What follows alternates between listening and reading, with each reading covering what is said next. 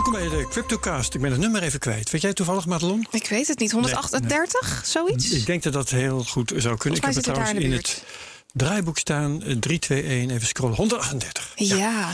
CryptoCast 138. Goed, welkom Madelon. Welkom Robert Reiner Nederhoed. Goedemiddag. Van Bit My Money en ook van B-Landlord. Correct. En daar gaan we het uh, stevig over hebben straks. Lijkt me heel leuk. Onroerend goed op de blockchain. Nou, komt straks allemaal uh, aan de orde. Geen beleggingsadvies. Op YouTube zijn we CryptoCast.nl. Yep. En de camera's snorren, dus alles gaat hier goed. Herbert, heb jij je scherm ook heel erg hoog zitten? Zal ik mijn scherm eens wat lager neerzetten? Ja, dan kan ik je wat beter zien. Ja, ja leuk, dit ja. is beter. dat was toch een uh, overblijfsel van de vorige opname hier zo in deze ruimte. Oh ja, wat ik even kwijt moet. De deur staat open. Ja. En uh, wat is het nou voor ons natuurlijk? Wat hebben wij daarmee te maken? Nou, dat kan achtergrondgeluid veroorzaken. Want hierachter is gewoon een redactie waar mensen met elkaar bezig zijn. Toch nog, al is het heel stil. Uh, maar um, hij staat open vanwege ventilatie, ja. corona. Niks aan te doen, moet openstaan. Dus uh, dat geluid, mocht het optreden, is helaas niks aan te doen. Mhm. Dus dan, maar dan weten jullie waar het van komt. Oké, okay, dan heb ik nog een mededeling. Als je goed bent in techniek, kun je burgercollega worden bij Defensie. Misschien wat voor jou, Robert Reinder, hè? Als het, ja, leuke als het nodig is. Ja. Kun je samenwerken met militairen, je blijft zelf burger. Bijvoorbeeld aan uh, robotica, slimme logistiek, hybride quads... of het onderhoud van de F-35, voorheen bekend als de Joint Strike Fighter. Je kunt zo jouw specialisme specialer maken. Als burgercollega, als je dat wilt, ga naar werkenbijdefensie.nl. Werkenbijdefensie.nl. Ziezo. Nou, um, beginnen we met het spektakel van deze week. Madelon zit met een brede. Jongens, allemaal de video aan. Dan kun je een blije Madelon zien. Oh, ik kan mijn lach niet meer uh, van mijn gezicht nee, af, uh, aftoveren. Echt, echt uh, een achtbaan. Ja, nou, acht, het was fantastisch. Geen achtbaan, het was ik meer een raket. Ik heb zelfs mijn lievelingssokken vandaag aangedaan. En nou ja, de luisteraars oh, kunnen dit ja. niet zien. Maar ik ga heel even mijn... Kijk, kijk, kijk. Dit zijn ja. ze. Bitcoin sokken. Ja. Ripple? Nee, nee, nee, nee, nee. Bitcoin sokken natuurlijk. Mijn lievelingssokken aangedaan. Omdat het eindelijk weer een beetje de goede kant op gaat, uh, Herbert. Uh, we lagen aan de onderkant van dat uh, opwaarts trendkanaal. Dus de koers ging al omhoog. Dat was heel erg mooi. Hogere bodems.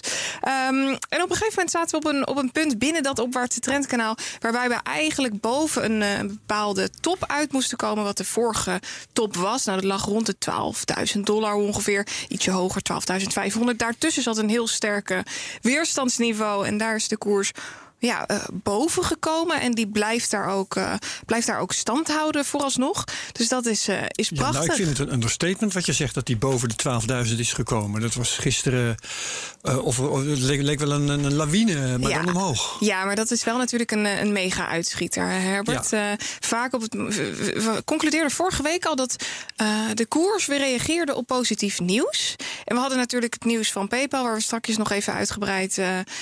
en wat we straks even zullen ja. bespreken. En dat nieuws zorgde natuurlijk voor die koersreactie. En daarna schoten we nog verder omhoog.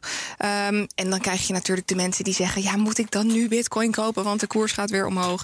Uh, en dat was ook wat dat over-effect en die overreactie. Over. Nou ja, die overreactie zag je in ieder geval. En nu ja. zie je dat die rust langzaamaan weer, weer terugkomt. Dat de koers even weer op adempauze komt. Maar in ieder geval, ja. als we deze hogere bodem houden, of hogere uh, nieuwe high, dan is dat hartstikke mooi. En dan kunnen we weer langzaamaan richting die bovenkant van het opwaarts trendkanaal. Ja, maar je zei, je zei net van hij reageert positief op positief nieuws. Mhm. Mm -hmm. En de mooie was dat de laatste paar negatieve berichten... dat hij niet negatief daarop reageert. Dus dat vond ik ook wel bevestiging... dat we echt wel in een ander vaarwaarts zitten. Ja, ja, zeker. En vorige week concludeerden we ook al... dat er uh, behoorlijk wat institutioneel geld richting de markt uh, aan het gaan was. En dat zorgt natuurlijk ook voor een stevige uh, body. Dus um, ja, wat dat betreft alleen maar positiviteit. Mocht je je nou afvragen waar die bovenkant van dat trendkanaal zich dan bevindt... dat is rond de 14.000 dollar om en Okay. Um, dus daar uh, gaan we nu naartoe. En ook op de horizontale grafiek, als we horizontaal een weerstandslijn daar zouden moeten tekenen, dan ligt die ook rond de 14.000 dollar. Dus dat is uh, het punt waar we nu naartoe uh, aan het gaan zijn. En dat gaat natuurlijk met horten en stoten. Het kan wel zijn ja. dat we langzaam weer even op, op adem moeten komen. Maar we zitten nog steeds in de opwaartse trend en we zijn er niet neerwaarts uitgevallen. Dus dat is fantastisch. Ja, nou, mooi. Goed zo. Um... Dat is het dan, hè, wat uh, koersen betreft. Zeker. Uh, ik heb gezien dat de ether ook alweer boven de 400 dollar staat trouwens. Maar uh, oké, okay, uh, leuk om daar nu en dan ook nog even met de schuin oog naar te kijken. Maar niet alle, alle crypto, uh, nee. cryptocurrencies deden het goed. Voor alle crypto's dat is waar. moet ik eigenlijk zeggen. Welke zaten er in de min? Daar heb ik even niet op gelet. Uh, die ga ik er even bij Ze pakken. allemaal, voor je. bijna allemaal onveranderlijk. Behalve Ethereum en Ja. Bitcoin volgens mij. Ether ging mee. eh, even kijken, wat hebben we nog meer? Maker ging mee. Eh, niet eens zo hard, maar bijvoorbeeld Bitcoin SV, die had nagenoeg, nou, die, die ligt plat met 0,29 procent. Eh, Dash ging wel weer mee, Litecoin ook, maar eh, eh, nou, wat hadden we nog meer wat niet mee bewoog? Ethereum Classic bewoog bijvoorbeeld niet mee. Monero wel. Ehm, ja, Monero wel weer. Je ziet een soort van eh tweesplitsing. DAI, DAI, doet natuurlijk niks. Eh, wat hebben we hier nog meer? nou, privacy coins, dat is het grappige. Misschien Ja. ook, het onderwerp vandaag is natuurlijk ook een beetje regulering en zo. Dat, ik heb het idee dat die privacy coins nu ook juist een vlucht juist maken. een vlucht nemen. Ja. Ja, het is bijzonder, bijzonder interessant dat we toch een soort van twee, eh tweesplitsing zien. Ja. Maar eh, ja, dat belooft wat de komende tijd. Ja, leuk. Nou goed, volgende week eh, ben benieuwd wat we dan te melden hebben. Zeker. Daar gaan we eh, rustig op wachten. Intussen hebben we nog genoeg eh, nieuws te behandelen. Robert Reinder. Ja, we kunnen er niet omheen. Hè. De, de, wat is nou de reden dat hij gisteren zo ineens omhoog ging? PayPal, PayPal. accepteert. Nou, ik weet niet of ik het helemaal goed zeg. Het is dus nogal een ingewikkeld genuanceerd bericht. Precies, Ja. laten we daar heel genuanceerd over gaan praten. Ja. Bitcoin en Bitcoin Cash en Ethereum en Litecoin. ja, Dus dat was echt heel groot nieuws. Ik was daar ook zelf heel erg verrast over. ja. Ik denk een jaar geleden dat een van die directeuren van PayPal bij een conferentie ook zat en dat er vragen kwamen. En dat hij toen heel erg veel ervan wist. Ja. Dat iedereen zei van hé, hey, er is iets aan de hand. Hoe kan hij nou zoveel kennis ervan hebben? ja. Alleen vanochtend, toen ik zeg maar echt de, de reacties op Twitter een beetje las, was het wel zo. Het is natuurlijk wel met beperkingen. Dus je kan kopen, verkopen, maar je kan bijvoorbeeld niet versturen. Je kan niet zelf storten. Dus het is een gesloten systeem binnen PayPal. Een soort, een soort walled garden Walled voor garden, Bitcoin. ja. ja, ja. ja. Ehm, Oké, ik heb nog even nagekeken trouwens. Hè. Eind juni, begin juli, hebben wij het hier nog gemeld dat PayPal dit waarschijnlijk zou gaan doen. Toen had Coin Telegraph of CoinDesk of zo'n soort site had eh, op basis van drie bronnen dat gemeld. Dat dat eh, stond te Er gebeuren. staat ook een vacature, geloof ik, of zo, hè? Er was iets met een vacature. Ja. Dat, Ja. Daar was Zo het dan aan afgeleid. Ja, ja, ja, precies. Dus ze waren er duidelijk mee bezig. Maar goed, PayPal zelf had toen nog geen mededelingen gedaan. En dat is nu dus wel gebeurd. En ze doen het per eh, begin volgend jaar. Ja. Hè? Dus ook nog niet onmiddellijk. Maar eh, vanaf Ja. eh, ergens in volgend jaar, dan gaat dat eh, werkelijk vorm krijgen. Maar eh, heb jij ook eh, informatie, Robert Reinder, over hoe dat er precies uit gaat zien? Want je kunt dan op een of andere manier kun je dus wel gaan betalen straks met bitcoin bij, eh, eh, bij eh, bedrijven, bij Ja. detailhandels. En die krijg je dan meteen dollars, heb ik begrepen. Zoiets. Oké, nou, zo, de, de- die nou, details dat- weet ik dat niet. gaat te ver. ik- Ja, ja. het was wel, en daarom zei ik, het is een beetje een genuanceerd bericht. Want Ja, maar- hun bericht was eerst van, introduceer het voor de webwinkels. Nou, ze hebben echt miljoenen webwinkels erachter hangen. Ja. Ehm, dus dat is natuurlijk heel leuk. En ja, als je wil betalen bij zo'n winkel, dan moet je ook zorgen dat mensen het kunnen bezitten. Dus hebben ze bedacht, ah, als we dat nou in een gesloten systeem doen, dan kunnen wij de herkomst van dat geld in ieder geval eh, garanderen. Ah, ja, dat en die zit winkels zitten in. dan ook binnen hun netwerk. Dus op zich, ik, ik ben er niet zo heel negatief over. Ik denk dat het een hele Ja. veilige eerste stap is voor een groot bedrijf. Om, eh, om het zonder Ja. al te veel risico's te introduceren. En, en eh, in dat licht moeten we dus ook zien dat je niet zelf eh, bitcoins kunt sturen naar je PayPal-rekening. Zoals ja, je net zei. Ja, Eh, dat ze, zij, zij willen gewoon weten dat jij met jouw centjes die bitcoin gekocht hebt van PayPal naar PayPal. Ja. En zo houden ze dat helemaal in eigen hand. ja, en als je kijkt wat voor bedrijfsmodel eh, PayPal heeft, dan is dat natuurlijk ook dat ze over de hele wereld aan het schuiven zijn. Met het creditcard hier en een ING-rekening daar en dit. Terwijl op dit moment. Ze hadden ook een eigen token kunnen doen. Hè. In de, in de ICO-tijd Ja. zou een ander project zou gezegd hebben: oh, we geven eigen token. ja. Of ze hadden een stablecoin kunnen kiezen. En op zich is het wel mooi dat ze nu zeggen: oh, als we Bitcoin nemen, heb je eigenlijk die wereldmunt. Dus die transactie van die ene gebruiker naar die ene webshop blijft binnen hun systeem. Ja. Eh, maar kan wel ook over de wereld verstuurd worden. ja, en ze denken dan blijkbaar toch ook wel dat dit beter in de markt ligt. Dat er vraag naar is waarschijnlijk. Ja, ja. maar de, de, de, het mooie hierin is dus dat de bedoeling is dat Bitcoin gebruikt zal worden als betaalmiddel. Um, en op deze manier zouden mensen ook. Dat is ook wel bijzonder, ja. Niks store of value. Precies. Uh, mensen zouden natuurlijk PayPal kunnen gebruiken uh, om uh, hun vermogen te laten groeien door middel van Bitcoin. Maar ik denk dat het in deze de basis is om te betalen met Bitcoin. En dat dat ook de reden is dat ze ervoor kiezen om het binnen hun eigen systeem te houden. Ik zag wel een tweet van Plan B voorbij komen. En hij zei: Oké, okay, we can forget this PayPal news. en uh, daaronder zei hij: uh, Crypto in the PayPal account cannot be transferred to other accounts uh, on or off PayPal. Dus je kan het niet transfereren. En dat was eigenlijk waar hij op, uh, op, op stuk liep. Waarvan hij zei, nou ja... Mm, mm, dan mm. telt het niet. Ik weet niet of dit dan wel zo mooi is. Um, ik denk dat het een goede eerste stap is. Maar dat dit niet de final step is. Laten nee, we, laten we daarop Ik ben wel positiever. Ja. En ik denk ook, jij zegt betaalmiddel. Maar eigenlijk, doordat ze het binnen hun netwerk houden, hoeft het helemaal niet over de Bitcoin blockchain te gaan. Mhm. Dus ik dacht eerst al, gaan ze dan Lightning gebruiken. Maar als je het nu hoort, dan zeg je van nou, ik kan met mijn PayPal-account voor 100 euro Bitcoin kopen. En vanuitgaan, dus wel store value, dat het waardevaster is dan mijn dollars misschien. In die zin wel, ja, ja, ja, ja. En als ik dan bij een webwinkel ga betalen, dan kan het wel. Bij, als je via PayPal een webwinkel gaat betalen. Ja. En dan handelen zij intern die transactie af, dus geen blockchain. Ja, oké principieel kun je zeggen, oh verschrikkelijk. Uh, het is dus niet transparant. En, maar ja, dat is hoe PayPal werkt. Dus wat dat betreft heb je dus wel het onderpand. En ik denk He, ook bezitten dat zij ook daadwerkelijk de bitcoin zelf? Nou, als ze verstandig zijn wel. Ja, dat, dat, Want dat is wel een, wel, wel een vraag. Op het moment dat ik ervoor kies om bitcoin... bitcoin in feite, hè? Precies. Ja. ja, ik kijk... Dan moeten we kijken naar de details als zij het gaan doen. Wat voor... Uh, onder wat voor voorwaarden. misschien gaan ze het wel. Uh, ja. ja. En misschien gaan ze het wel gewoon wel transparant maken. Ja. Um, maar ze zouden natuurlijk een enorm bedrijfsrisico nemen als ze dat niet doen. Zeg mm wel. Dus dan krijg je straks, ze hebben 340 miljoen gebruikers, meer dan 340 miljoen. Als daar een, een 0,1% van bitcoin voorraad neemt, dan hebben ze al een hele positie. Ja. En als die bitcoin ja. inderdaad keer 10 gaat zoals Plan B voorspelt, zeg maar, of tenminste het model van hem voorspelt, dan zouden zij dus het moment dat die mensen dat weer willen terugverkopen aan PayPal, zouden zij dat risico lopen. Mm -hmm. Ja. Maar goed, dat is een goed punt. Ja, ze moeten wel transparant zijn daarin. Anders kan je het vertrouwen niet hebben. Want PayPal is nu wel één op één gebackt. Ik weet het eigenlijk helemaal niet. Op het moment dat ik euro's of dollars aanhoud in mijn PayPal-rekening. Zij hebben meer dan 30 miljard aan de goede van gebruikers. Oké, dus dat bewaren ze wel ergens op een. Uh, Net zoals Tether, zeg maar. Nou, zeer interessant. Ja, ja, ja. Nou, en PayPal zit natuurlijk ook in de omstandigheid dat uh, bankruns daar gelaten.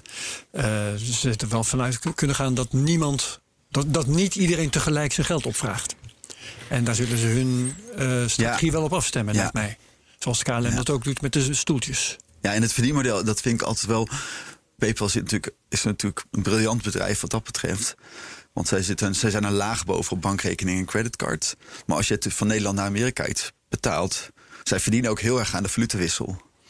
Ja. En dat zal hier natuurlijk hetzelfde zijn. Ja. Dat als jij, uh, en aan een fee per transactie trouwens. Fee per transactie, die komt waarschijnlijk bij de webwinkel terecht, weet ik eigenlijk niet. Mm Maar als je een boek koopt in de, de Verenigde Staten, wat ik vroeger nog wel eens deed, en dat is dan 29 dollar en je gaat dan terugrekenen in euro's wat je betaald hebt met de koers van de dag, dan zit er gewoon nog 4% wow. bovenop de transactie zitten op voor de vloedwissel van euro naar dollar. Zo, ja.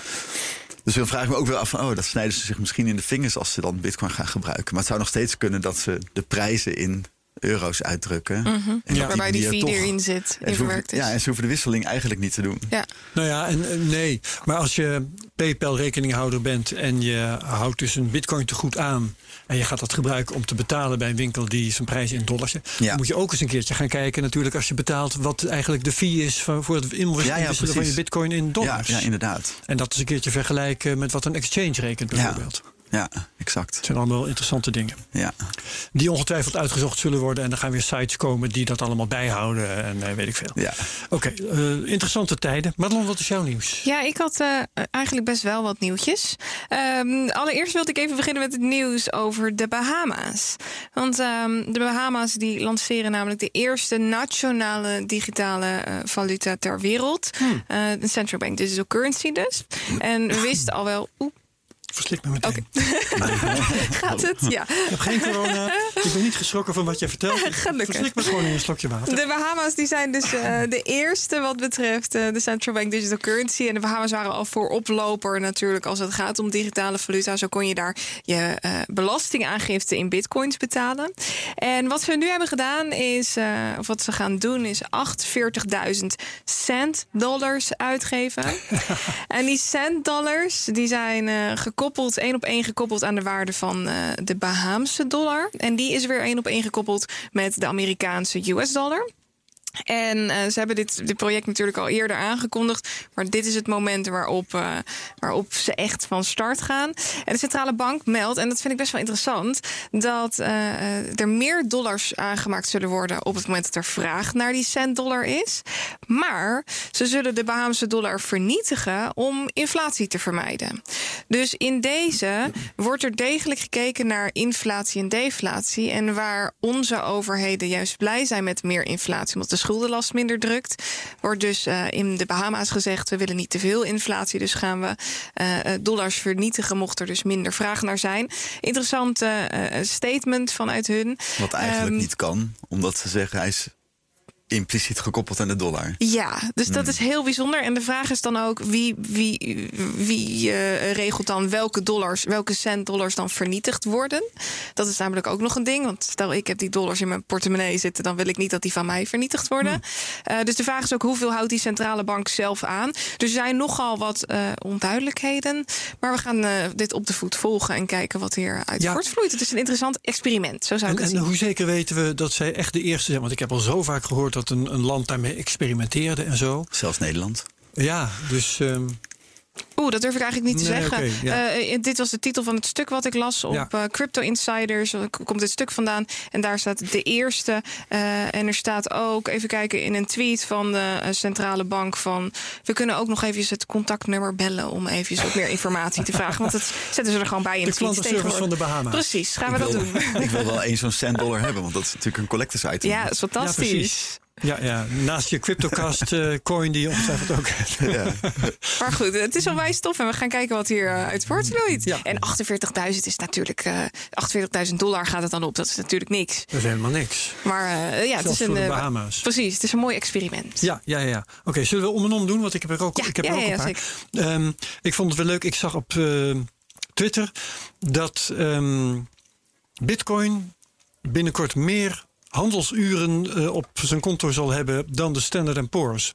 Dat was heel grappig. Dat was een tweet van een ene Pierre Rochard. Oh ja. Die ehm, eh, meldde dat eh, ja, Bitcoin eh, handelt eh, zeven dagen per week, 24 uur per dag. En als je kijkt naar aandelen, die doen dat vijf dagen per week, zes en, zes en een half uur per dag. Even aannemen dat dat waar is. Ehm, dus eh, Bitcoin is wat dat betreft, stelt aandelen ver in de schaduw. vijf, keer zo, eh, vijf keer zo lang per week. Ja, en toen was er iemand die daarop reageerde. En, en nou kan ik die tweet als Roland net even niet terugvinden. Eh, die zei.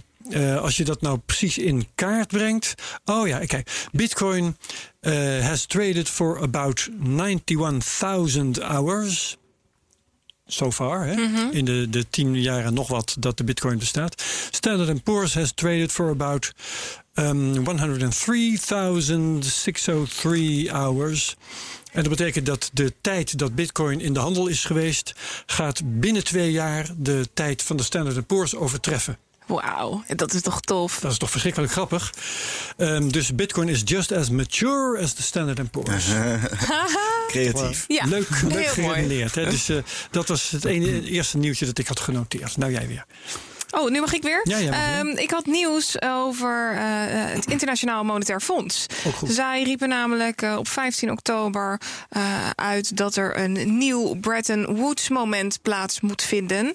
Eh, en we zagen Kristalina Georgieva, de eh, directeur-president van eh, het IMF, een, eh, een behoorlijk interessante speech houden over dat eh, Bretton Woods moment, wat dan nu opnieuw zou eh, plaats moeten vinden. Wat is dat dan? Nou, Bretton Woods was in, eh, in 1944.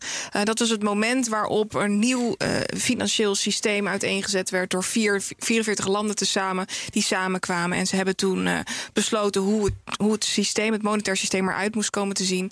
En vanuit daar zijn ze voort gaan borduren op de toekomst om groei mogelijk te maken. Ja, en een van de, de dollar eigenlijk was aangewezen als reservemunt van de wereld. Wereldreservemunt. Gedekt en, door goud. Precies. En de backing door goud, dat was hetgeen wat, wat het bijzonder maakte. Um, en er werd nu gelijk, mensen gingen gelijk vragen stellen dat Bretton Woods moment. Uh, toen zagen we die koppeling met goud. Wat gaan we dan nu zien? Gaan we dan nu een koppeling met uh, een cryptovaluta zien? Of met uh, de, de Ripple fans riepen al over, over XRP.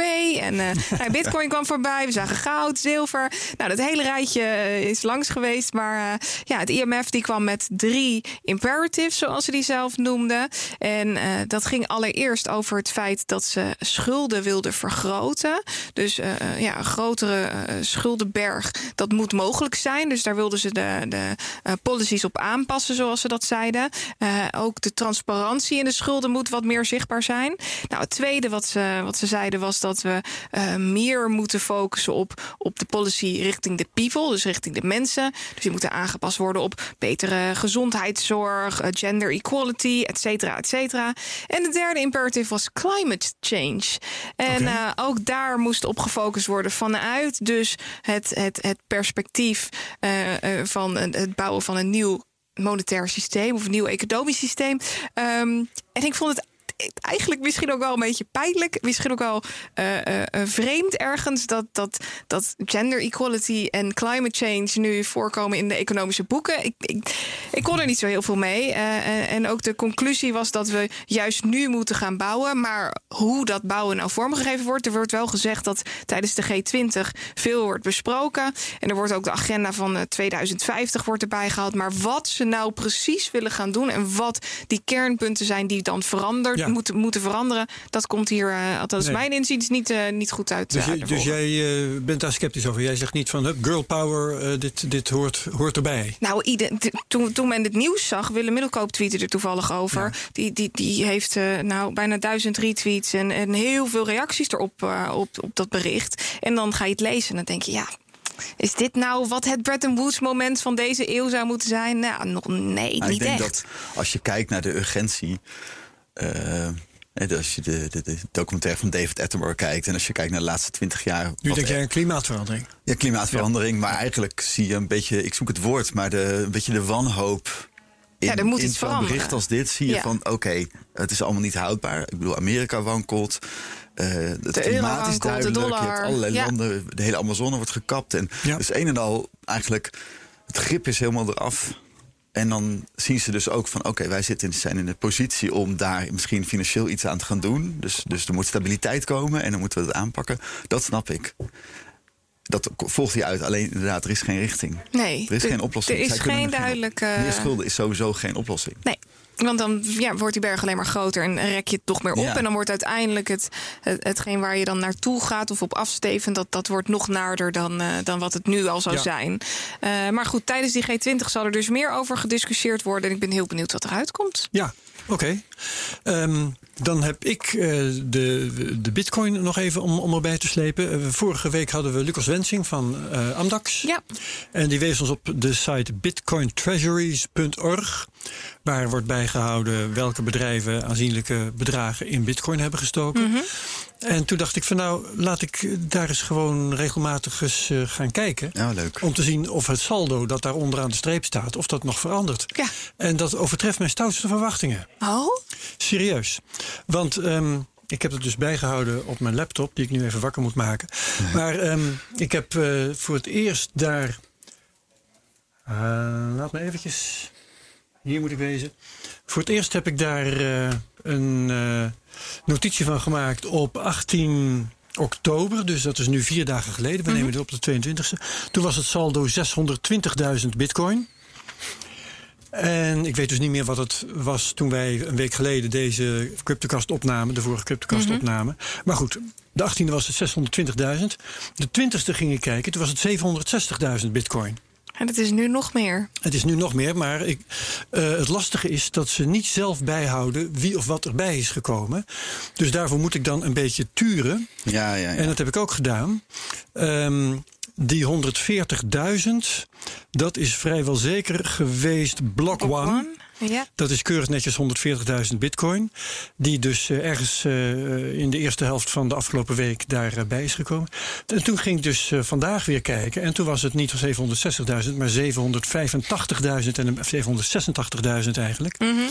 En de meest waarschijnlijke kandidaat daarvoor, maar ik ga dat in het vervolg nauwkeuriger bijhouden. Ik had alleen het totaal genoteerd. De meest waarschijnlijke kandidaat is. Um, uh, de Tezos Foundation. Al staat daarbij dat die in september 2020 erbij zou zijn gekomen. Maar het kan best zijn dat ze dat in september 2020 hebben gestort. En uh, dat, ja. um, dat ze nu aan de lijst zijn toegevoegd. Ja. Dat denk ik eigenlijk. Ja. Ik vind trouwens wel, ik, ik heb hem ook even erbij gepakt, het overzicht. En ik vind dat wel een duidelijk onderscheid zou moeten zijn in de erkenning voor dit getal, zeg maar. Ja. Of dat, kijk, zoals Grayscale is gewoon een soort fonds voor Ja. Bitcoin. Ja. Klopt. En MicroStrategy, MicroStrategy. Strategy. Strategy Strategy. is een ander bedrijf wat zegt: hé, hey, we hebben winst gemaakt. Ja. we hebben een Bitcoin. balans. Gaan- we gaan een gedeelte van onze balans. En dat andere zou, aanpak. dat zou volgens mij dat zou een beetje de beweging moeten zijn waar we nu in zitten. Ja. Dus dat Bit My Money bijvoorbeeld eh, als bedrijf Bitcoins op voorraad heeft, is logisch. Dat is niet zo vreemd. Ja. Voor de klanten, maar Ja. ook van onszelf. Ja. Maar als, ehm, nou noem eens iets anders, BNR, die zegt van nou oké, BNR is nu niet zo'n goed voorbeeld. want Dit zijn natuurlijk niet zo, eigen vermogen is een beetje onder druk Ja, gegeven. Maar we mochten willen dat laten we een ander Bitcoin KPN, laten we een ander bedrijf noemen.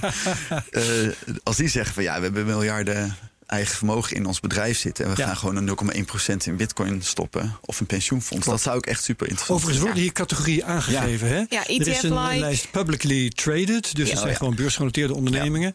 En dan zijn er een paar private. Ja, dus die bovenste, daar zou, daar, dat daar gaat mijn... eh, Ja, en dan heb je een paar ETF-like. Daar staat Grayscale bijvoorbeeld bij. Ja. Dat zijn dus inderdaad eh, aandelenfondsen waarin je... Nou, niet iedereen, eh, jij en ik waarschijnlijk niet... maar ehm, waarin ehm, entiteiten, roep ik dan maar eventjes... eh, eh, kunnen investeren om aan bitcoin te zijn blootgesteld, zoals het dan heet. Nou ja, dus heel interessant om dit bij te houden. Het is dus met andere woorden in een week van 600, sterker nog in een half week, in vier dagen van 620.000 naar 785.000 gegaan. Nou, dat percentage, dat kan ik even, dat is dus 160, eh, ehm, bijna, eh, bijna 20 procent, zeg ik dat nog goed? Meer dan 20 procent is Ja, het gestegen. In de afgelopen periode. mm. In een paar maanden. dagen. Ja. Nee, in een paar dagen. Ja, maar we weten niet wanneer dit. Want er Nee, staat ook een stukje september 2000. Ja, oké, oké. dat Ze zijn nu die data aan het Ja. verzamelen. Maar En, eh, Ja. ja. Het, eh, het stijgt hand over Ja, hand. het gaat niet omlaag in ieder geval. En drie kwart miljoen bitcoin is ook gewoon ontzettend veel. Heel veel. Op ja. de hele vijver van Ja. bitcoin. Want Ja, dat zijn er op 18 dit moment miljoen. maar 18 miljoen. Ja. Hè? Dus eh, nou, ga maar naar. Ik heb nog een, een eh, kanttekening erbij, positief. Dat eh, zowel PayPal, eh, de aandeelkoers, ging omhoog. Ja. Na dit dat nieuws bekend werd, 5% Ja. op een dag. Ja. Maar ook bij MicroStrategy.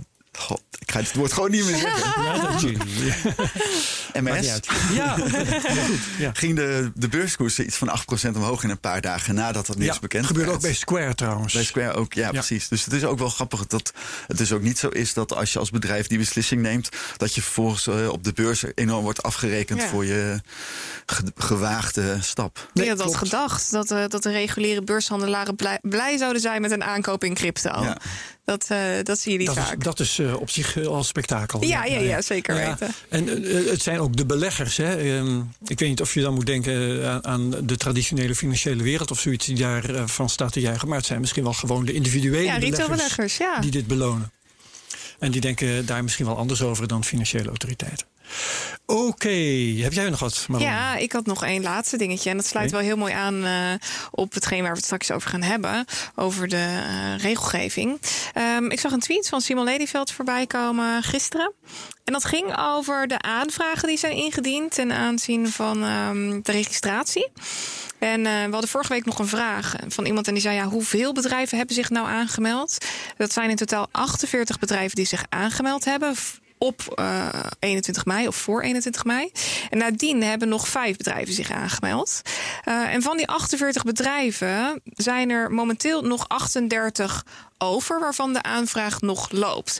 En ik had even in het, uh, in het register gekeken. En momenteel staat nog steeds alleen Amdax in het register uh, geregistreerd. Dus dat betekent dat er mm, wellicht al negen bedrijven uh, afgevallen zijn of afgekeurd zijn of zelf de handdoek in erin gegooid hebben. Eén is dus erdoor gekomen, maar de overige negen die, die komen er niet door. Dus ehm, ja, dat vond ik best wel een, een, een, een, een ding. Ik ben wel benieuwd wat hier, wat hier achterweg komt. De reacties op Twitter uh, ja, zijn ook van oh, wat triest. Uh, nou, waren, uh. ik heb dat nieuwsbericht ook gelezen. Dus niet de tweet, maar de, de bron van, het, van die tweet. Ja. En het was dat DNB stelde dat dat eenmanszaken waren. Ehm, die toch wel zagen dat dit een te grote hobbel was om te nemen. Ja, bitter en zo. Ja, bijvoorbeeld. Ja. ik geloof dat die zich niet eens had geregistreerd. Dus er zijn nog meer bedrijven die, ja, ja, waarvan we het niet weten. Daarvoor al afgevallen. Ja, volgens mij ging dat überhaupt al voor, voorafgaand aan de registratie. Een aantal van de aanvragers heeft uh, inmiddels om verschillende redenen het proces beëindigd. Uh, bijvoorbeeld om het op een ander moment opnieuw in te dienen. Omdat de voorbereidingstijd te kort is geweest. Of in verband met herstructurering ook heeft een klein aantal eenmanszaken de aanvraag beëindigd. Omdat kosten voor inrichting uh, bij nader inzien ja. toch te hoog waren. En per saldo lopen er nu nog 38 aanvragen. Per saldo, oké, okay, 38. Dan kunnen we straks uh, met Robert nog wel uh, Ja, ja zeker. zeker. Ja, ik vond het in ieder geval interessant om te weten hoe de, de vork nu in de stil zit. En ja. Ja, Oké. Okay. Dan had ik er nog eentje. Dat was wel wonderlijk. Um, dat was een uh, tip uh, die binnenkwam via een tweet.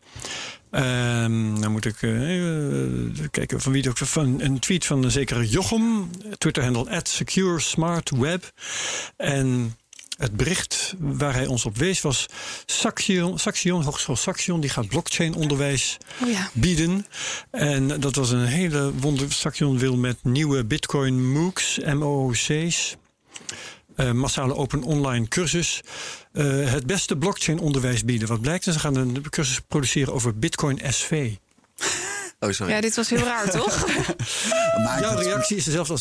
Ja, het, nee. Logisch zou het niet moeten uitmaken. Hè? Dat nee, dat wou dit, ik wou het nuanceren van... Nou, op zich, ja, als je het om technische kennis gaat... dan uh, je, als je naar een munt gaat die misschien wat goedkoper is... of wat de reden dan ook is. Uh, zou, dat, zou, dat, zou dat een verschil zijn in het onderwijs? Dat je, dat je misschien op die manier minder hoeft te... Ik, ik, ik maar het beste blockchain-onderwijs, kom op. Dan laat je toch een breed perspectief zien. Ja. Dan laat nou, je toch uh, van, ja. van alles zien. Dus zowel uh, SV als Bitcoin, maar ook gesloten en open blockchains. Dan pak je toch niet alleen Bitcoin SV. Je ja. zou het ook raar vinden als je alleen Bitcoin zou pakken, overigens. Ik heb het plan ze te bellen in ieder geval. Ja, dat lijkt me wel nuttig. Ik ben heel benieuwd. Van waar deze keuze? Dat, ja. Misschien is er wel een goede reden voor. Wat Robert Reiner zegt. Die coin kost niet veel, dus misschien dat dat een rol speelt. Ik heb geen idee. Ja, ja, Als, je, als ze zelf transacties moeten doen en uh, ze hebben nog geen Lightning. Dan wordt het misschien. Uh, maar er zijn toch wel meer coins per, die. transactie uh, tijdens de les is een beetje. dat zou kunnen, toch? Ja, het zou kunnen. Gewoon, ja. Maar goed, het is een ja. spannend, um, spannend bericht. Ja. En daar gaan we nog wel een vervolg op geven. Oké, okay, zijn we door het nieuws heen? Uh, kunnen we met Robert Reinder lekker gaan kletsen.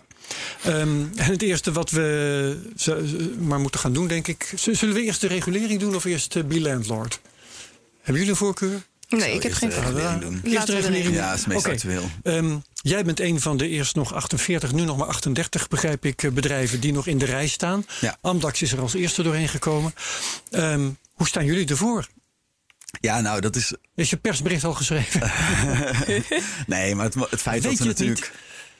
Nee, nee, nee formeel weet je het gewoon niet. Formeel weet je het niet. Dus je hebt alles ingediend. Nog, en er komt nog een gesprek over. Dus op zich gaat het allemaal heel goed hoor. We, ja. hebben, gewoon, uh, we hebben gewoon voortgang. En we hebben maandag uh, gesprekken over de betrouwbaarheid. En je moet ook misschien een beetje meenemen wat voor, uh, wat voor proces dit is. Um, er wordt gekeken naar sowieso je activiteiten. Mhm. Mm -hmm. En dus dan heb je twee, funk, twee onderdelen. Dus je hebt, bent exchange, dus je bent wisselpartij. En we zijn ook custodian, dus ja. crypto bewaarportemonnee aanbieder. Alles te weten. um, uh, dus die, voor die beide ja, diensten moet je je registreren. Oké, okay, ja. Dat betekent dat ze, dus het, wat ik net al zei, ze gaan ook kijken naar de bestuurders. Ben je integer? Ben je voldoende opgeleid? Ben je integer eigenlijk? Ja. Een goede vraag. Ja, dat is, is ja. zo'n vraag als ik lieg als ik het niet ben en ik zeg ja, dan heb jij het niet door. Ja. Als ik wel integer ben en ik zeg ja, dan geloof je me ook. Ja. Maar, Mooi ehm, ja. ehm, dus dat is één, eh, één gedeelte. En verder kijken ze natuurlijk naar de inrichting van de organisatie. Dus eh, hoe is compliance ingericht? Ja. Welke vrijheden hebben de klanten om met hun eh, aangekochte bitcoins te doen wat ze willen? Of- Kijken ze dan ook terug tot aan 2013 aan toe? Want ik kan me indenken dat je toen veel minder rekening hield met de regelgeving dan op dit moment. Nou, het is niet zozeer dat ze terugkijken, maar het is meer dat de transacties of de klanten die jij hebt, die moeten gewoon voldoen aan bepaalde eisen. Ja. Dus wij moeten van klanten die grotere transacties hebben gedaan, moeten wij de identiteit vast kunnen stellen. Ja. En als dat transacties is al vrij snel hoor. kan, kan het zijn dat dat niet Eh, lukt met terugwerkende kracht? Stel iemand is ja, overleden. oh, nee, het of... is zo. Op zich is het. Kijk. Ja, nee, dan wordt het lastig. Ja. Maar het is meer van, kijk, die, nee, dat is dus je kijkt niet terug, want die, dat is een gedane zaak. Ja. zeg maar. Maar als diegene nog klant is, dus we hebben eigenlijk bij 21 mei hebben we een aantal vrijheden. ehm, of hebben we voor het versturen en ontvangen hebben we het verplicht gemaakt dat je identiteit verifieert. Mhm. En daarmee is vanaf 21 mei dus eh, er geen mogelijkheid dat iemand anoniem nog 50 euro ergens heen stuurt.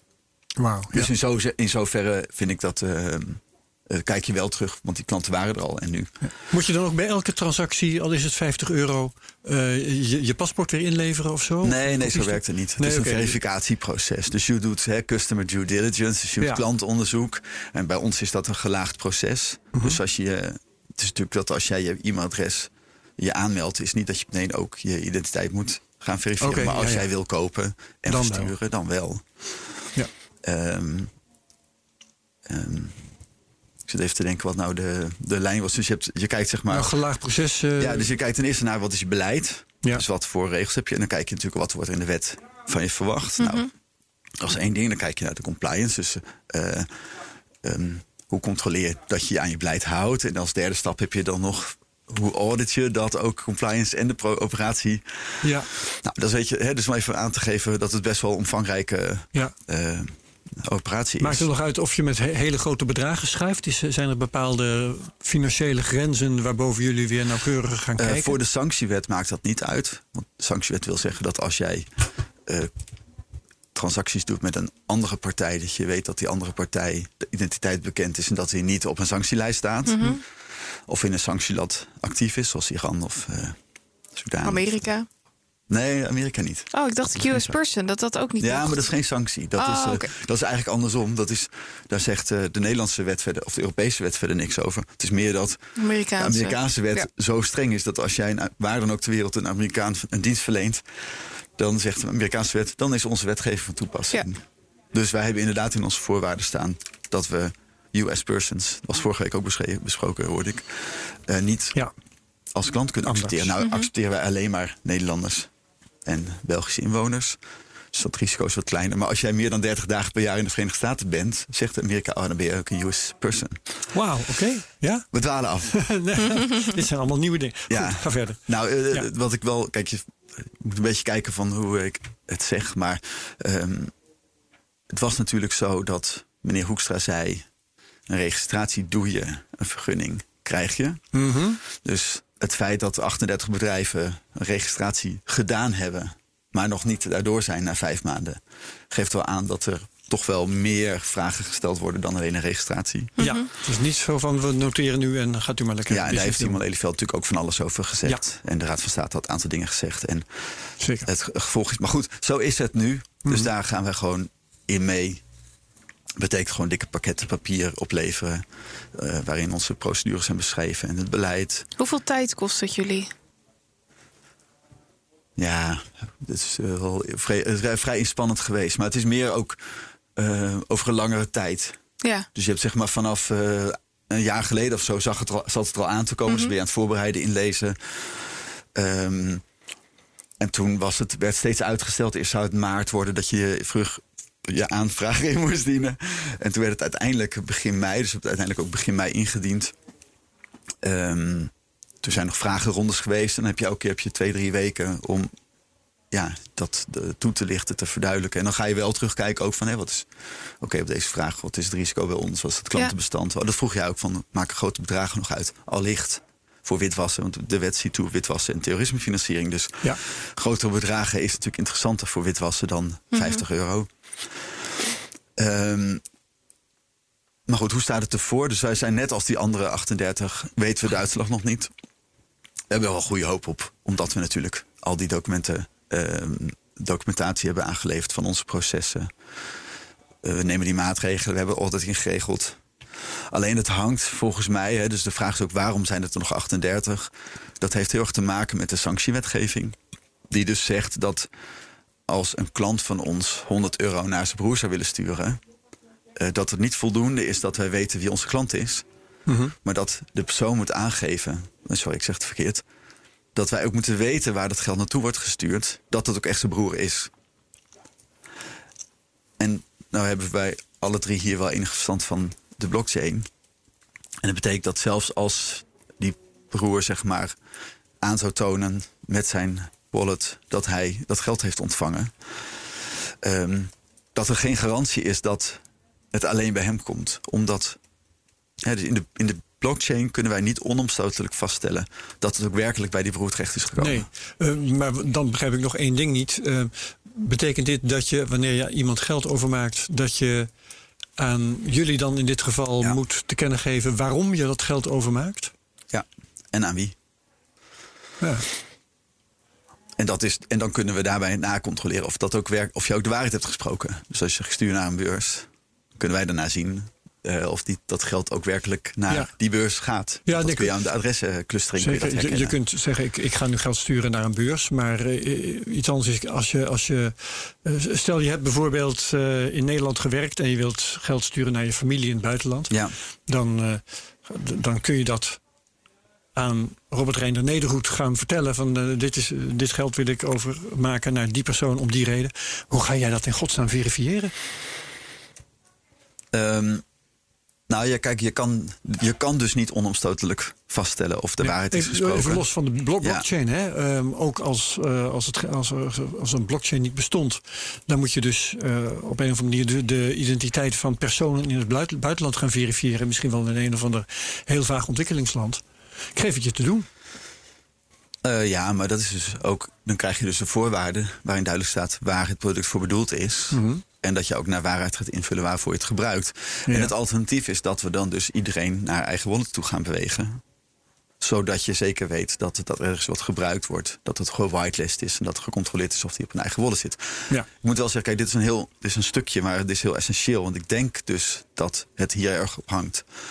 Uh, eind september, dus zeg maar een maand geleden, was er ook een eerste bericht van de Nederlandse Bank over de voortgang uh, aan alle cryptobedrijven. En toen hebben ze een seminar gegeven, een webinar gegeven over dit onderwerp. En um, toen hebben ze ook aangegeven van in eerste instantie was de eis, zeg maar, je, je moet het onomstotelijk wel uh, garanderen. Ja.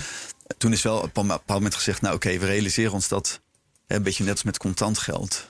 Het is niet te garanderen dat iets op de bepaalde plaats terechtkomt. Maar dan moeten er wel voldoende maatregelen worden genomen om te zorgen dat je, dat, dat je er alles aan hebt gedaan. En daar is nu een scala aan oplossingen voor bij alle bedrijven niet hetzelfde. Waardoor het ook voor de DNB nu weer lastig is om dat over een meetlat te leggen. Er zit een stukje aanname in, hè, geef ik aan. Maar dit is wel het heikele punt. Ja. En Amdax was hier vorige week. En die gaf ook aan van ja, die klanten komen bij hun op kantoor. Ja. Zij doen de custodian, er wordt niet verstuurd. Of ze helpen die klant aan eigen wallet. Dus dat, dus Veel laagdrempeliger, ja. Um, laagdrempeliger voor de registratie. Mm -hmm. Ja, maar ja. voor de klant moet je dan misschien wel het geld in eigen weer gaan nemen. Ja. En uh, het is een beetje net als bij PayPal. Dan heb je dus een gesloten systeem als je het bij Amdax doet ja. en niet verstuurt. Maar dat geeft ook aan waarom zij wel die registratie kunnen krijgen op dit moment. Omdat ja, waarom zij als eerste daar doorheen. Precies, ja. ja, ja. En um, er werd toen ook gezegd, zij hebben een drempel zij helpen pas klanten als het gaat om 2,5 ja. bitcoin of ja. meer. En jij hebt te maken met uh, klanten die 50 euro ook al een hoop vinden. Uh, dus uh, heb je daar veel last van? Dat je klanten moet gaan verifiëren die niet nou, nee, veel want, geld in het laadje brengen bij jullie? Ehm, nee, wij zijn van mening dat je, als je... Kijk, we hebben gezegd, waar zit het risico's bij ontvangen en versturen? Dus voor hele kleine bedragen, en dan hebben we het echt over inderdaad 100 euro, 50 euro vragen wij niet de identiteit. Ach zo, ja. Maar dan kun je dus ook niet versturen. Mm -hmm. Dus voordat uh, versturen zouden activeren. Dat is nu al zo. Hè? Dus voordat je versturen kunt activeren, moet jij toch die identificatie doorlopen. Ook al zou dat om 50 euro gaan. En uh, kijk, er zijn kritische geluiden geweest in deze CryptoCast ook. En ik ben zelf ook wel eens kritisch geweest. Ik denk gewoon, dit is een fase. Mm En uh, je ziet, PayPal maakt ook een keuze dat ze zeggen: hm, gaan niet versturen, niet ontvangen binnen ons netwerk. En als dat nu is hoe we een stap verder komen, dan. Uh, dan, dan moet het maar. Maar die sanctiewet, dat vind ik dus wel iets anders. Hè. Ik vind wel dat als je gaat eisen dat wij kunnen bewijzen dat 50 euro niet bij je broek komt, maar toch ergens anders, dan is het in feite onbruikbaar. Als ja. dus, en, daar, en dat is dus ook dat ik denk dat uh, er wat duidelijkheid moet gaan komen over hoe ver de bedrijven daarin moeten gaan. En dat misschien die termijn van 21 november om die reden ook gewoon even vier weken naar achteren geschoven moet worden. Oké zodat. En er is ook gisteren een, een, eh, een brief vanuit de VBNL naar uh, zowel het ministerie gegaan als naar de DNB met het voorstel om daar snel over contact te hebben. Dat was meer duidelijkheid is. Die, uit, uh, Zo'n uitstel. Nee, nee, niet over het uitstel, sorry. Oh. Over de duidelijkheid rond om die sanctiewet. Ah, zo. Als het daarop hangt, dan moeten we natuurlijk niet alles laten hangen. Maar dan moeten we nu gaan focussen Hoe streng, hoe gedetailleerd moet dat allemaal zijn? Ja, nou, ik weet niet of dat het is, maar het is in ieder geval, er moet iets van duidelijkheid komen. Ja, kijk, uh, ze krijgen straks een padstelling. En het is natuurlijk wel zo dat nu, en dat is natuurlijk vaker gezegd over de innovatie, die 38 bedrijven, dat zijn voornamelijk Nederlandse bedrijven. Ja. En we zien gewoon vanuit Europa en vanuit buiten Europa zien we allerlei grote organisaties komen die allerlei diensten aanbieden, ja. die hier nu niet die geen last van hebben. Uh, ja. En, dan, en dan vind ik het dus geen eerlijk speelveld worden. Nee, nee precies. En dan zou ik het, het beoogde garantie dat de innovatie behouden zou blijven, die staat nu wel onder druk. Ja. Hebben jullie hier wel, uh, wel eens slapeloze nachten van gehad? Of heb je nou, heb wel wat stress gehad, ja. Ja. Omdat het heel, kijk, ik vind heel veel werken vind ik niet erg. En ik vind heel veel documentatie opleveren vind ik niet leuk. Maar het is ook een, een, eh, een bewijs van je, van je processen. Ik bedoel, hè, dat, dat is een onderdeel van professionalisering, zou je kunnen zeggen. Ja. Alleen de, de, de, de, bepaalde onduidelijkheid over van... oké, waar ligt nou die lat? En dan met verschillende signalen, dan uh, blijf je heen en weer. Dan ga je denken, oh, oké, doen we het zo, doen we het zo. Nou, nou nee, dan David, dat is toch niet goed. Of tenminste niet bij de NEB, maar dan onderling heb je natuurlijk uh, wisse informatie uit. En eigenlijk kan het niet. je kan niet onomstotelijk vastleggen. Dus moet je zoeken van oké, maar wat is, dan, wat is dan voldoende? Nou, om, zonder daar te lang over te hebben. Dus dat is wel, uh, daar heb ik wel. Uh, vind ik wel is een spannende tijd wat dat betreft. Niet alleen voor ons. Ik denk, we hebben het prima op orde. Maar het feit dat er 38 bedrijven nog in de wacht staan, dat geeft wel aan van de, dus de komende vier weken moet er iets gaan gebeuren. Ja, ja, ja, ja, Want binnen vier weken moet dus uitsluitsel worden gegeven voor al die 38 bedrijven die nu nog in de wacht staan. Ja, in het artikel waar je het gisteren over had, of waar je net over had, wat gisteren was gepubliceerd over die 38, er staat ook: houd er rekening mee dat als je op dit moment nog geen uitsluitsel hebt over dat je erdoor bent, dus mhm. dat je de registratie hebt, dat je per 21 november uh, je activiteiten moet, moet staken. Stoppen. Yes. En dat geldt dus voor alle 38 bedrijven. Ja, maar betekent dat dan ook dat je geen registratie uh, krijgt? Of betekent dat, dat dan gewoon dat, je, dat je activiteiten op hold gezet moeten worden totdat je wel die registratie hebt? Ja. Wauw. Dat zou even heftig zijn. Dat zou heel heftig zijn. wordt niet zo heet gegeten als dat die uh, gekookt wordt. Maar zegt zij dan nu niet al... moment. Ja, zegt... Oké, dus dan gaan we nu naar die, uh, naar die duidelijkheid toe. Want ze zouden eigenlijk op voorhand al aan moeten geven van... nou jongens, uh, dit heeft extra tijd nodig, dus we rekken die deadline op. Of we geven jullie iets meer ruimte. Want ja, ook ik ben daar... Niet, ik, ben, ik, ik ben niet... Ik kan niet zeggen of dat zomaar kan. Mm -hmm. Want in feite is het gewoon wetgeving door de Tweede Kamer... waarin dat half jaar staat. Dus ik weet niet in welke vrijheid. Misschien dat de Nederlandse Bank kan zeggen: Nou, bij de partijen die nog hangen, uh, hè, gedogen we dat? Zou kunnen, weet ik niet. Misschien dat de minister moet zeggen: Oké, we geven vier weken of DW, hoe lang is er nodig? Zoiets. Ja. Um, ik vind het best wel een ding hoor. Ja, ja, ja, ja zeker. Die 21 november moeten we goed in de gaten houden. Ja. Simon Lelyveld hier nog eens over uh, Even bellen. de tand voelen. Ja. ja. En misschien ook wel de DNB. Ah, ik maak me ook weer niet. Kijk, het, ik vind het spannend. Dus ik moet ook niet. Uh, kijk, we zijn gewoon. Nederland heeft sinds Bitcoin bestaat gewoon altijd vooropgelopen. Mm -hmm. De meeste miners per inwoners. meeste bitcoin bezit, meeste bedrijven. En we zijn dan niet de grootste bedrijven, want heel Coinbase of zo, die komt natuurlijk uit de Verenigde Staten met een veel grotere Ja. populatie of, of kraken of zo. Maar Ja. het is een hele professionele markt. Ja. Dus, dus ik maak me niet zoveel zorgen dat het niet gaat lukken. Alleen het is wel.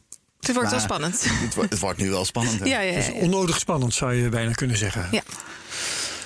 Met die 21 november. Nou, Zullen we het over leuke dingen hebben, eh, Nou, Herbert? nou, precies, dat vind ik ook wel tijd worden. Ja. Eh, ook al gezien hoe lang we al bezig zijn. Ja. Eh, luisteraars moeten maar even bedenken dat het wel eens een, lange, een eh, iets langere zit dan een uur zou kunnen worden. Volgens mij vinden ze dat niet zo Dus, erg. eh, pak vast een kopje koffie erbij of een biertje. Ehm Be Landlord. Ja, want eh, we hadden intussen twee weken geleden, geloof ik, hadden we Max hier. Ja. Ehm, Max Crowdfund. Dat ging over geld lenen om dan daar eh onroerend goed van te kopen Mhm. en zo.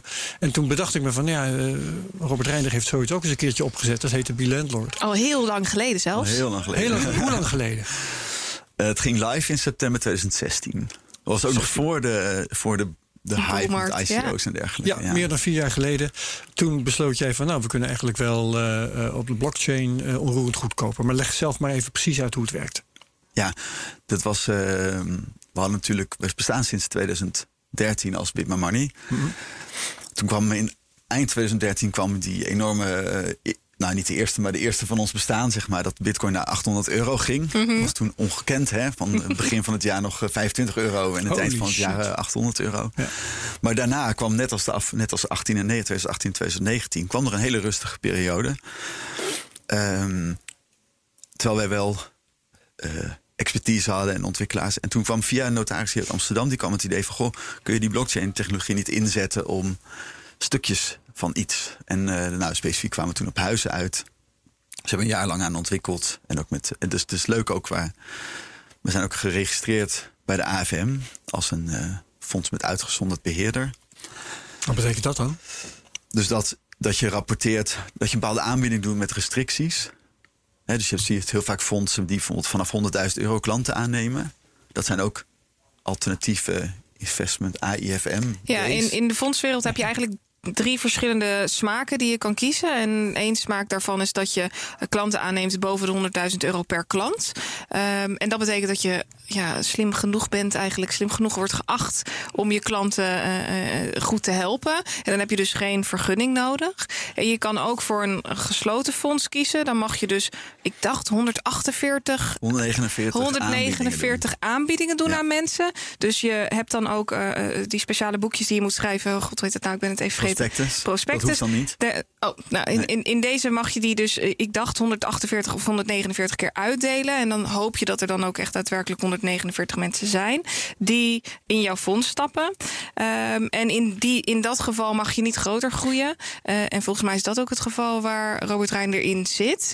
Ja, en we hadden Ehm, een- paar weken terug een, eh, een blogje gepost waar je ook op reageerde van de, de lessen na vier jaar Landlord, zeg maar. Juist.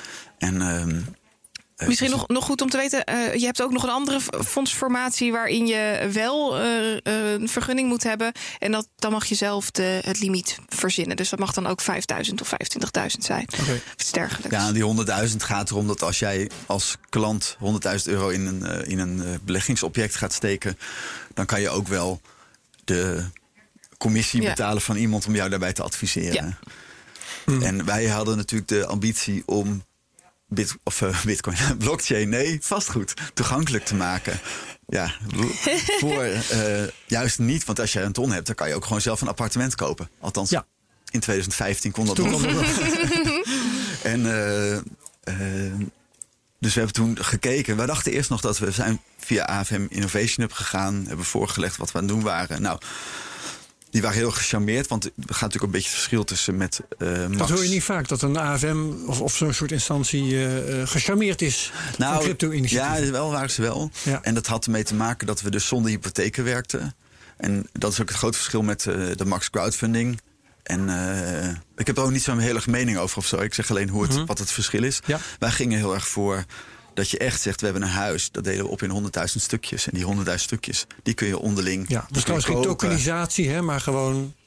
Dat zou tokenization zijn. Toch wel tokenisatie? Ja, dat, zou, dat was ook. Ja, dat hebben we dus op de, op de Bitcoin blockchain met colored coins, technisch gezien.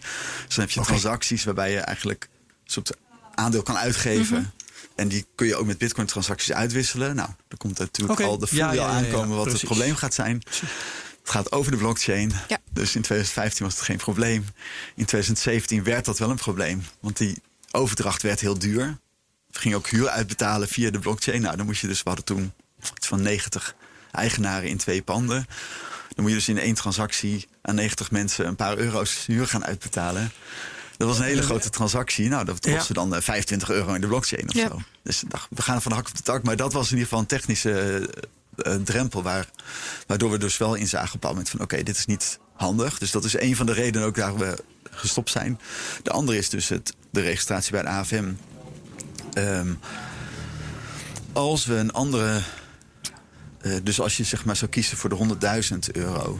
dan kun je wel meer dan 149 keer aanbieden. Dus kun je gewoon groeien.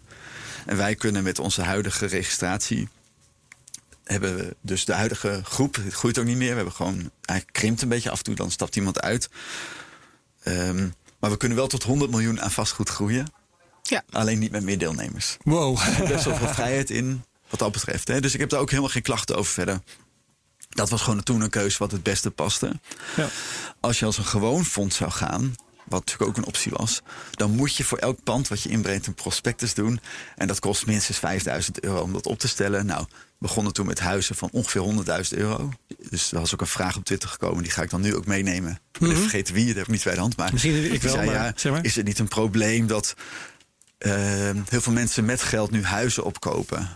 Waardoor dus de sociale Ja, Kees Woningen. Koenen was Ja, eh, de Kees vraag stellen. Ja. Waardoor er dus nu een probleem is in het verkrijgen van uw huis. Nou, we hadden dus ook de ambitie dat de huizen sociale huur zouden zijn. Dus we gaan ook niet elk jaar die huur maximaal verhogen. Het zit gewoon onder de sociale huurgrens.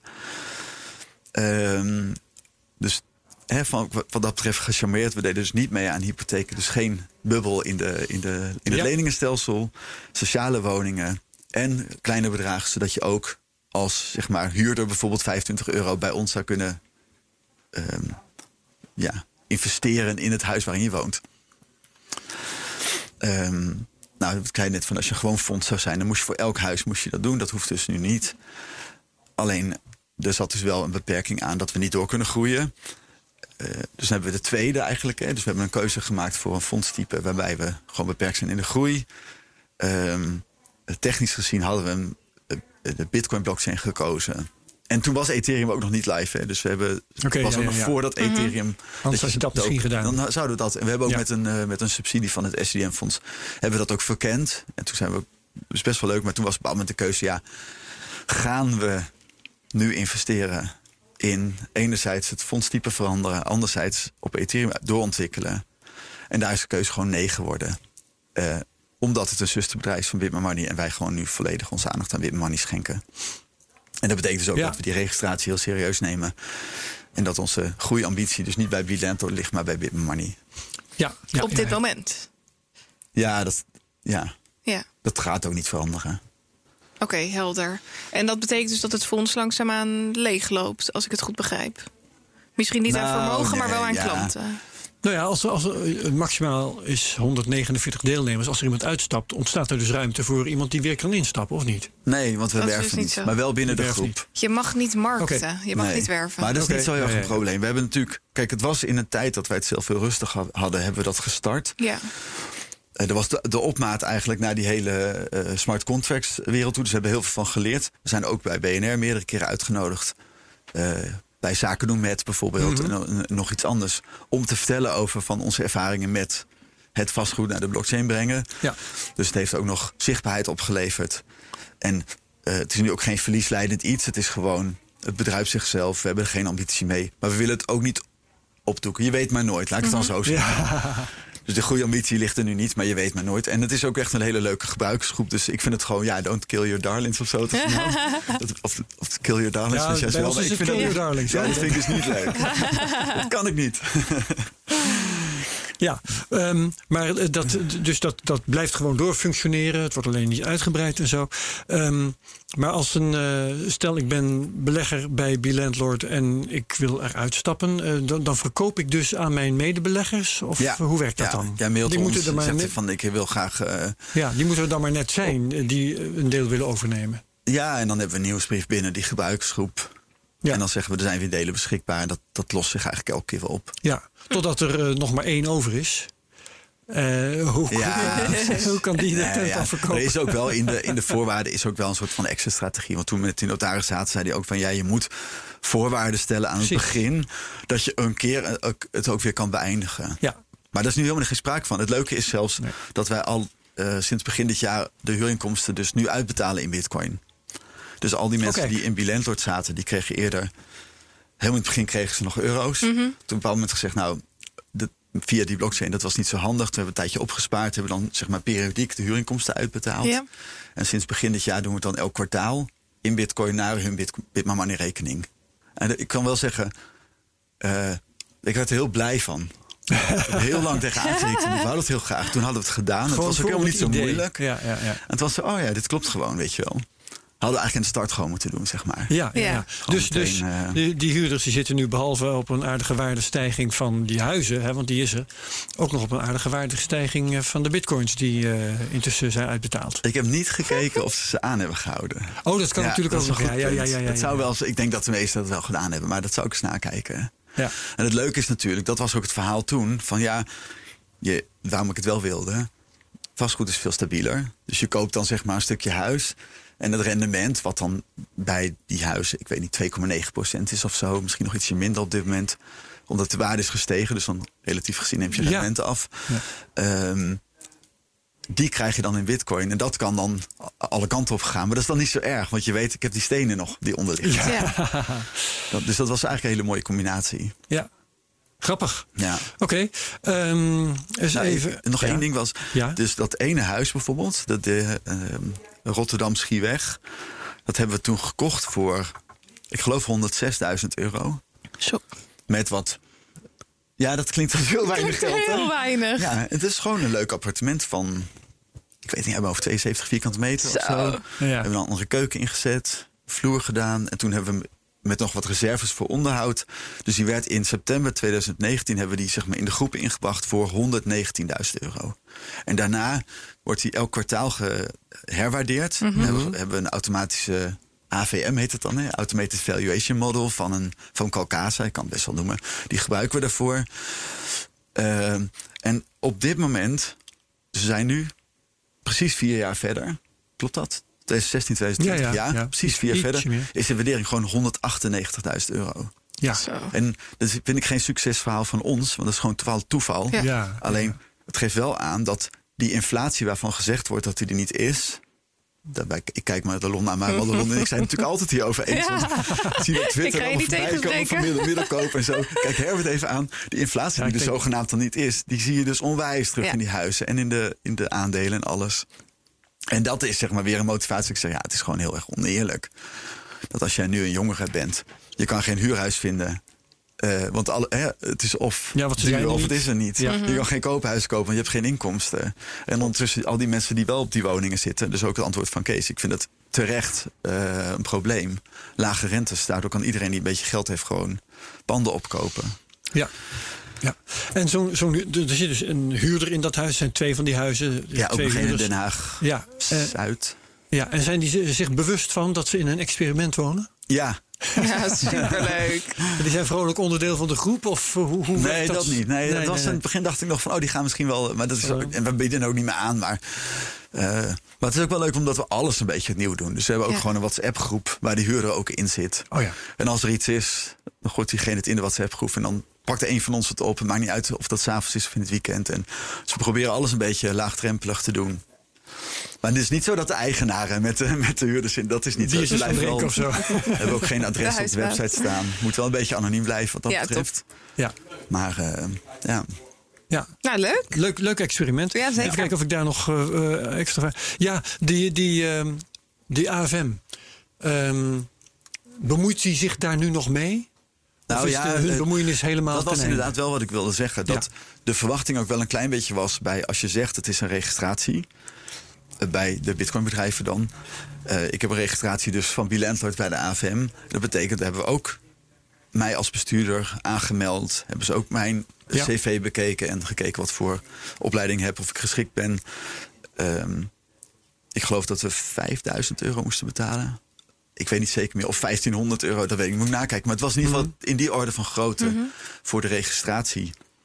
En dan doe je één keer per jaar doe je ja, een vrij grote questionnaire moet je dan invullen van uh, asset under management, zeg maar. Hè? Dus dan, en dat, dat is wel grappig, want wij zijn natuurlijk gewoon een speldenknopje zijn we. Hè? We hebben gewoon twee panden die samen 300.000 euro waard zijn of zo. Nou, iets meer, maar terwijl wij moeten een questionnaire invullen voor... Uh, 100 miljoen wat je maar kan verzinnen. Ja, ook allerlei categorieën. En, uh, dus, dus zijn we wel even een middagje bezig. Maar dan, ja. dit doen we, dit doen we. En dan moeten mutaties in je... Ja uh, mutaties in je klantenbestand. Nou, dat mm. hebben we dus ook bijna niet. En, dus we zijn vrij snel zijn we daar doorheen. Maar um, dat was eigenlijk een beetje wat ik had gehoopt dat zou gebeuren. Dus dat de DNB zou hebben gezegd van oké, okay, naar buiten toe dragen we duidelijk uit dat in het eerste jaar een registratie echt een registratie is. Waarbij we in kaart brengen welke markt we in Nederland hebben. Mhm. Zodat je laagdrempelig iedereen binnenlaat. Maar niet met het idee van oh, we opereren onder goedkeuring van de uh, Nederlandse bank. Maar meer van hey, en net als het crowdfund register bij de AFM heb je ook. Uh, dat betekent dat bedrijven gericht, dus dat bekend is dat bedrijven dat doen. En dat had ik een beetje bij de Nederlandse bank ook verwacht. Dat ze zeggen, oké, het eerste jaar, zeker omdat het vrij snel moest, toen met uh, in mei, brengen in kaart welke bedrijven het zijn, wat hun omvang is, klantenbestand, activiteiten. En dat je dan jaar op jaar daar uh, hogere eisen aan gaat stellen. Ja. En dus dit was wel een vrij groot contrast met onze ervaring met de, de registratie bij de AFM, nu deze registratie bij de Nederlandse Bank. Ja, oké. Okay. Um... Ik, ja? ik ben door al mijn vragen. Ik weet niet hoe het bij jou zit, nou, ik, ik, heb nog een paar uh, tweets die misschien oh, ja. aardig zijn om te bespreken. Mm -hmm. um, er was bijvoorbeeld een van Donor die zegt, uh, dat, dat, was naar aanleiding van het PayPal-nieuws. Ik weet niet of jij daar iets van uh, wil uh, zeggen, Robert Reinder. Die zegt: Ik hoop dat PayPal gewoon de Bitcoin gaat tokeniseren op een snellere en beter werkende blockchain zoals die van Syscoin. Dan krijg je heel geregeld dit soort berichten van jongens, Syscoin is toch eigenlijk veel beter en zo. Ehm, maar, maar ja. Denk jij dat PayPal daar een, een, eh, een mogelijke richting heeft? Het tokenizen van Bitcoin. Ja. Want Bitcoin wordt ook getokenized op het ja, Ethereum-netwerk. Ja, Dat uh, ja, ja, ja. Ik wordt, wordt heel erg waar. mooi gevonden, zo links en rechts. Ja, ik denk, eh, de, de, hele, de hele podcast waar we nu in zitten, zeg maar, moeten we eigenlijk even een stapje terug doen en gewoon in, in een perspectief bezien van mhm. meerdere jaren. En um, dat PayPal het nu gesloten doet. Ja, ze hoeven dus niet te gaan tokenizen, want ze mhm. hebben dat gewoon in hun eigen uh, systeem in de hand. Als, ze, ja. als zij het in de toekomst transparant willen maken, zouden ze daarvoor kunnen kiezen. Ik vind het niet zo heel waarschijnlijk, maar het zou kunnen. Um, zou het een betere stap zijn? Nee, ik, ik, verwacht gewoon, ik verwacht gewoon dat zij. Dit, dit is hun eerste stap. En dan kunnen ze ook zien van hoeveel mensen gaan het werkelijk doen. Wat is ons verdienmodel hierin? Hè? Mm -hmm. Ze natuurlijk ramingen gemaakt wat het hun op gaat leveren. Ja. Of kosten misschien wel aan de andere kant. Ja, en, en doordat ze die vrijheden beperken, dat zie je natuurlijk nu ook gebeuren met in Europa. En uh, wat je ook in Amerika zag een aantal jaren terug toen die mhm. FinCEN in New York kwam, die, die regulering voor uh, BitLicense bedoel ik. Toen gingen een aantal bedrijven naar Panama. Dus een vergelijkbare reflex. Ja. De, de, de vrijheden van de gebruikers worden afgeschermd. En vervolgens over twee jaar zeg maar, is, is de dust, de stof is neergedaald. En dan mhm. kunnen we kijken waar we staan. En dan kan PayPal ook zeggen: Oké, je mag nu ook depositen. Of we hebben het Lightning-netwerk geactiveerd. Je kan nu kleine bedragen naar buiten sturen. Gewoon evolutionair. Ja, dus ik zou specifiek op de vraag zie ik niet in waarom je nou een andere blockchain zou gaan. Nee. Maar ik snap wel dat je een tweede laag wil gaan gebruiken, zoals het Lightning-netwerk. Ja, dat is helder. Nou, eh, de Kees Koenen hadden we al besproken. Dus uh, ik denk dat we het hier maar eens gewoon bij moeten gaan laten. Ja, wie spreken we volgende week, Herbert? Uh, dat heb ik bij de hand. We spreken Martijn van der Linden. Die is uh, lector New Finance aan de Haagse Hogeschool. Er staat een hele aardige uh, video van hem op ik YouTube. over alternatief, alternatief ontwerp van het geldstelsel. Ja. Dat is ook waar hij op promoveert aan de Technische Universiteit Delft. Dus het kan leuk worden. Ja, zeker weten. Was ook, dit is ook het gevolg geweest van een tweet trouwens. Iemand heeft ons dit gesuggereerd. Ik weet niet meer wie. Ja. Maar iemand heeft dus die video van Martijn Jeroen van der Linden gesuggereerd gestuurd en gezegd van moeten jullie deze niet eens uitnodigen? Nou, Ja. bij deze hebben we dat gedaan. Ik weet alleen niet meer wie ik moet bedanken. Goed idee. Eh, we gaan dat eh, volgende week gaan we dat allemaal lekker horen. Nou ja, als je deze aflevering leuk vond, dan kun je hem delen op Twitter met de mention at CryptoCast.nl. Ja, of als je opmerkingen of vragen hebt, eh, doe dat dan ook met dezelfde mention. Precies, eh, reviews op eh, iTunes achterlaten. Ja, daar worden we Ook blij leuk. van. YouTube, jongens, like, subscribe en comment. Onderaan het venster staan wij. Robert Redder Nederhoed van Bit My Money, hartelijk dank. Dankjewel. Voor je komst hier. Herbert, jij bedankt. Madelon ook bedankt. En de kijkers natuurlijk bedankt. Iedereen, kijkers, luisteraars, allemaal bedankt. Ja. En heel graag tot volgende week in de Dag. nieuwe CryptoCast. Dag, dag.